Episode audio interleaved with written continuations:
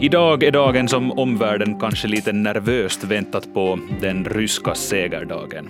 Hur kriget i Ukraina utvecklas hänger starkt ihop med president Vladimir Putins vilja och idag har det väntats något slags besked hur han tänker göra. Nöja sig med framfarten hittills, gå ännu hårdare fram i Ukraina eller något helt annat. För att förklara det här har jag idag med mig journalisten Kerstin Kronvall som följt Ryssland i många år. Hej Kerstin! Hej på dig Erik! Själv heter jag Erik Ståhl och det här är Nyhetspodden. Ja, Kerstin, i morse gick den årliga militärparaden av stapeln i centrala Moskva och Vladimir Putin höll sitt tal. Vad säger du om talet? Det var tråkigt, det var innehållslöst, det hade inga nyheter och det var på något sätt en upprepning av saker som han har sagt tusen gånger tidigare. Och vad upprepar han? Det han upprepar är att eh, Sovjetunionen och Ryssland bär på ett arv av kamp mot nazismen och att den kampen fortsätter nu i Donbassområdet i Ukraina och eh, att eh, han älskar, uppskattar och hedrar alla veteraner. Det är så där i, i korthet. Sen eh, talar han om eh, det som han började tala så det jätteaktivt om redan i fjol, nämligen det att Ryssland är en så väldigt fredsälskande stat som önskar samarbete och fred med alla länder i världen. Men västvärlden med USA i spetsen eh, vill inte ha fred och vill inte ha samarbete med Ryssland och vill inte rys lyssna på Ryssland. Och därför har Ryssland nu varit tvunget att ta till vapen i Ukraina. Och här kom det kanske en liten släng till, till Finland och Sverige också eftersom han talade om hur USA och deras små vasallstater försöker förhindra de, de ryska fredssträvandena. Du nämnde den där nazismen. Vad är det med den där nazismen som tilltalar ryssarna? Eller varför tar Putin till den? No, inte tilltalar den, utan det är väl tvärtom att det är motbjudande att tala om det. det som, eh, nazismen har dykt upp nu under de här senaste åren i den här ryska retoriken, men, men fascismen har funnits med ända sedan andra världskriget, eller det som i, i Ryssland kallas det stora fosterländska kriget. Och det handlar då om att Sovjetunionen var med och besegrade eh, Hitler-Tyskland som stod för fascismen, och det var alltså det onda, och det var eh, Ryssland och eh, de ryska soldaterna och Sovjetunionen som besegrade det här onda. Och ända sedan dess så har, så har begreppet fascism stått för någonting väldigt, väldigt dåligt och någonting som man ska motarbeta på alla sätt. Och det här har den, den ryska propagandan sen utnyttjat de här senaste eh, man kan säga senaste tio åren i någon mån, men de senaste åtta åren i alldeles väldigt, väldigt hög grad. Så att det har blivit en sån här ett sådant här hatobjekt nummer ett i Ryssland. Sen kom, kom den här nazismen kom, kom in som begrepp i, i den här propagandan så där lite smygande där uh, ungefär för åtta år sedan och, och sen har, har den det begreppet ökar i användning nu under de senaste åren och särskilt nu sen, sen Ryssland in, inledde det här stora anfallskriget mot, mot Ukraina. Att Ryssland har ju krigat i Ukraina redan i åtta år men, men i samband med det här stora anfallskriget så kom nazismen och, och det, det som Ryssland då hävdar att, att det är neonazister som leder Ukraina så det kom in i propagandan. Ja, det här med det här historiska, han talar ju också om att driva ut fiender och, och väva ihop Moskva, Leningrad, Kiev, Minsk, Stalingrad, Kursk, Sevastopol och Harkiv. Och sen avslutar han med att knyta an till, som han kallade det, vårt folk i Donbass idag. Ehm, kan man utläsa någonting om hans mål ur det här talet? Han talar mycket om Donbass. Kan man utläsa någonting i det här talet vad han siktar på? Nej, nej. Det, det, här är ju sånt här, nu, nu börjar vi gå in på det här, vi börjar bli lika historiskt inriktade som Putin och börjar gå in på sån här kremlologi som man höll på med på, på 1960 och 70-talet, där man försöker sätta in ord som inte har funnits i tal och sen läsa ut någonting av det. Vi kan inte läsa ut någonting exakt ur Putins tal. Vi kan hålla på och spekulera och ha teorier och tro oss förstå och veta vad han menar, men vi vet inte. Han sa ingenting exakt och av det kan vi inte utläsa någonting exakt. Och varför tror du han avstod idag från att ge några mer, vad ska man säga, definitiva besked? Antagligen har han inga, inga definitiva besked att ge. Han är, han är förvirrad inför den ryska eh, dåliga framgången i, i kriget i Ukraina. Och för det andra så vill han säkert inte berätta vilka planer han eventuellt har. Och eh, när det gäller rysk politik och att följa med med de ryska eh, politikernas uttalanden så gäller det i själva verket oftast att, att egentligen försöka stänga öronen och öppna ögonen och, och inte så lys mycket lyssna på vad de säger utan, utan mer försöka iaktta vad de verkligen gör. Och, och det här var nu ett sånt här ceremoniellt årligt tal som han höll som inte egentligen gav någon någonting. Alla blickar har ju varit på Putin då om vi öppnar våra ögon. Hur tycker du han verkar idag? No, han verkar så som han har verkat den sista tiden. Han, han är en gammal man, han, han mår säkert inte riktigt helt bra men att man kan inte veta att det har han någonting no, allvarlig åkomma som plågar honom eller är det bara att han börjar bli lite gammalmansskröplig?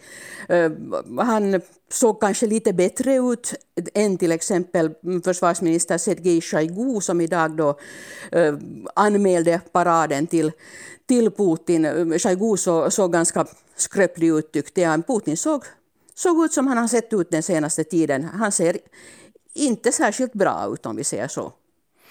Jag följde också med den där paraden och det var ju minsann inte brist på pompa och ståt. Och Shaigu, när han kom in och hälsade på styrkorna, så gjorde han det hela fem gånger, upprepa samma hälsning till styrkorna. Eh, det är vanlig praxis. Jo, det brukar de, brukar de göra. Liksom de hälsar, hälsar på de olika vapenslagen och olika enheterna som är där på plats. Jag var själv på plats på Röda torget och följde med paraden 2016 och, och kommer ihåg att det roade mig då att de höll på att ropa samma saker åt varandra där över, över torget också den gången. Det är nog så de brukar göra. Precis. Jag satt och följde med också de här just persongalleriet.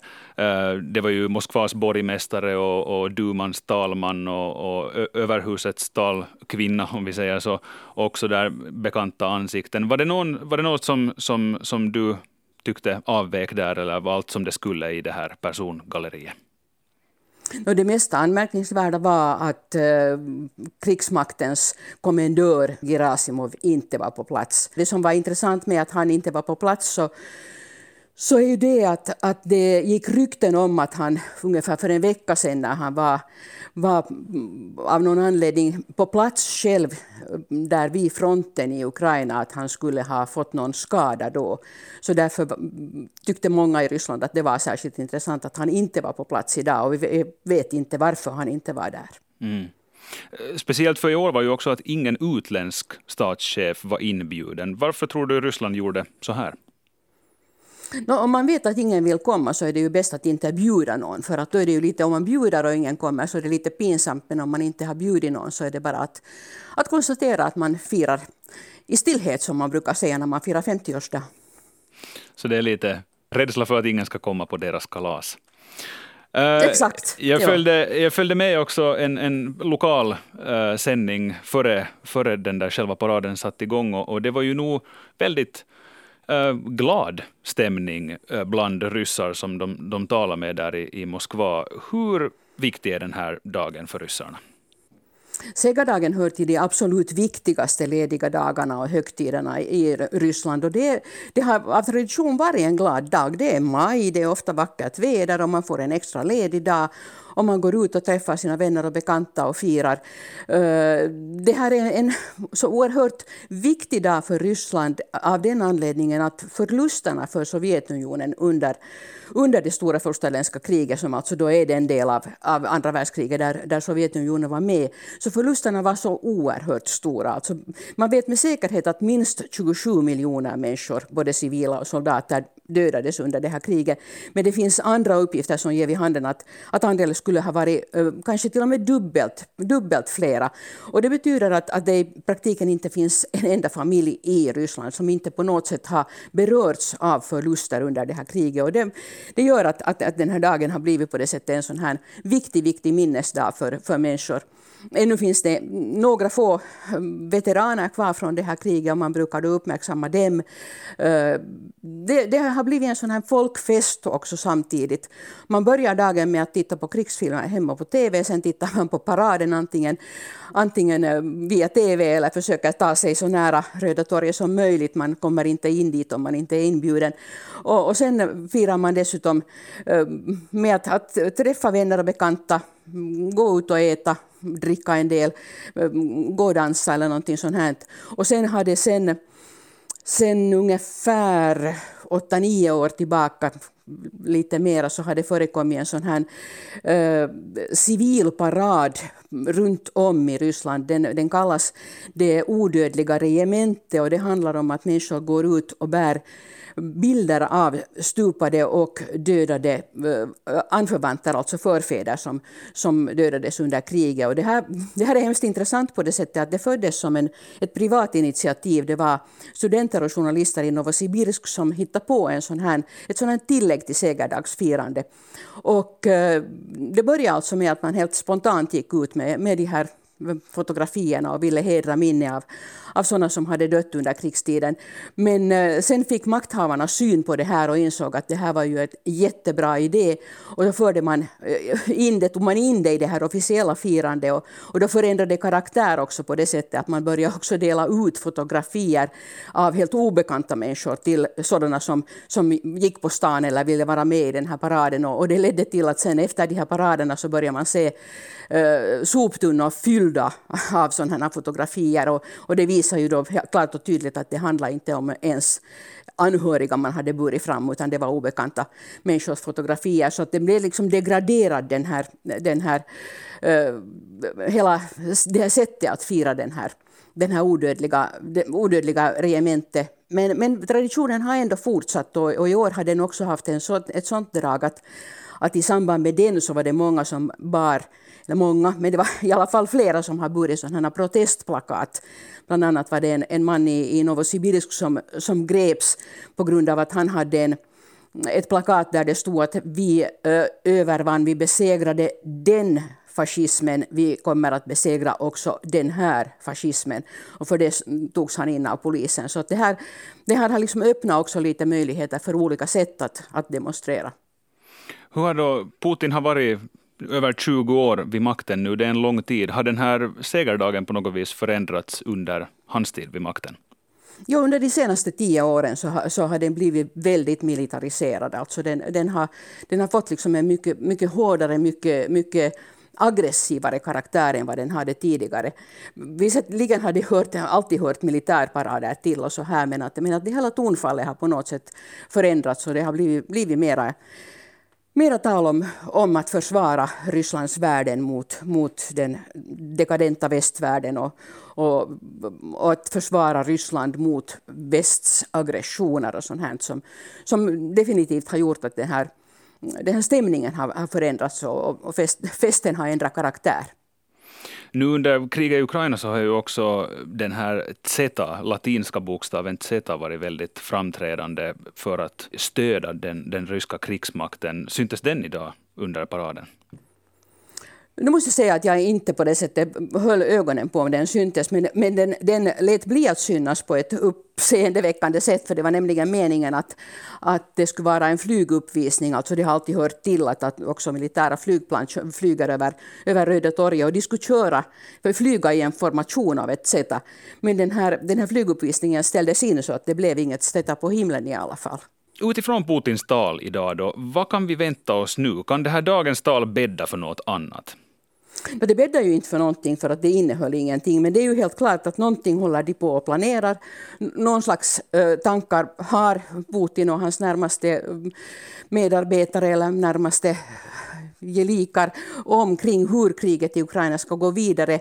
Men eh, vi vet inte vad, vilka beslut de kommer att fatta och vad, vad, de, vad de kommer att, att välja för en väg att gå vidare man har förstått att, att det kanske kommer att förändras på det sättet att uh, Ryssland eventuellt begränsar sig till att, att försöka erövra delar av Ukraina i östra och södra Ukraina och inte som man angav från början, liksom ta över makten i hela landet. Men inte heller det här vet vi. Vi, vi får bara vänta och se att hur, hur man går vidare, vilka motgångar och framgångar Eh, Ryssland och Ukraina har i det här kriget och, och därefter se vilka beslut som fattas i, i Kreml. Mm. Många hade ju väntat på besked om en allmän mobilisering eller till och med en krigsförklaring. Tror du vi kan vänta oss något av det här? Det var ju väldigt upphaussat här före, före segerdagen och i, i västerländska medier och också i Finland så var det liksom en väldigt, väldigt iver att ha olika idéer om vad Putin skulle komma att säga. Och det blir en sån här det har, det har blivit någon slags teater kring det här också tycker jag i medierna, att man, man nödvändigtvis ska låtsas veta vad som kommer att hända i en situation där man inte vet vad som kommer att hända. Så att, uh, ibland kan det vara riktigt bra att bara helt enkelt iaktta och se vad som händer och, och tala om det sen. Tack för att du kom hit idag, Kerstin Kronvall.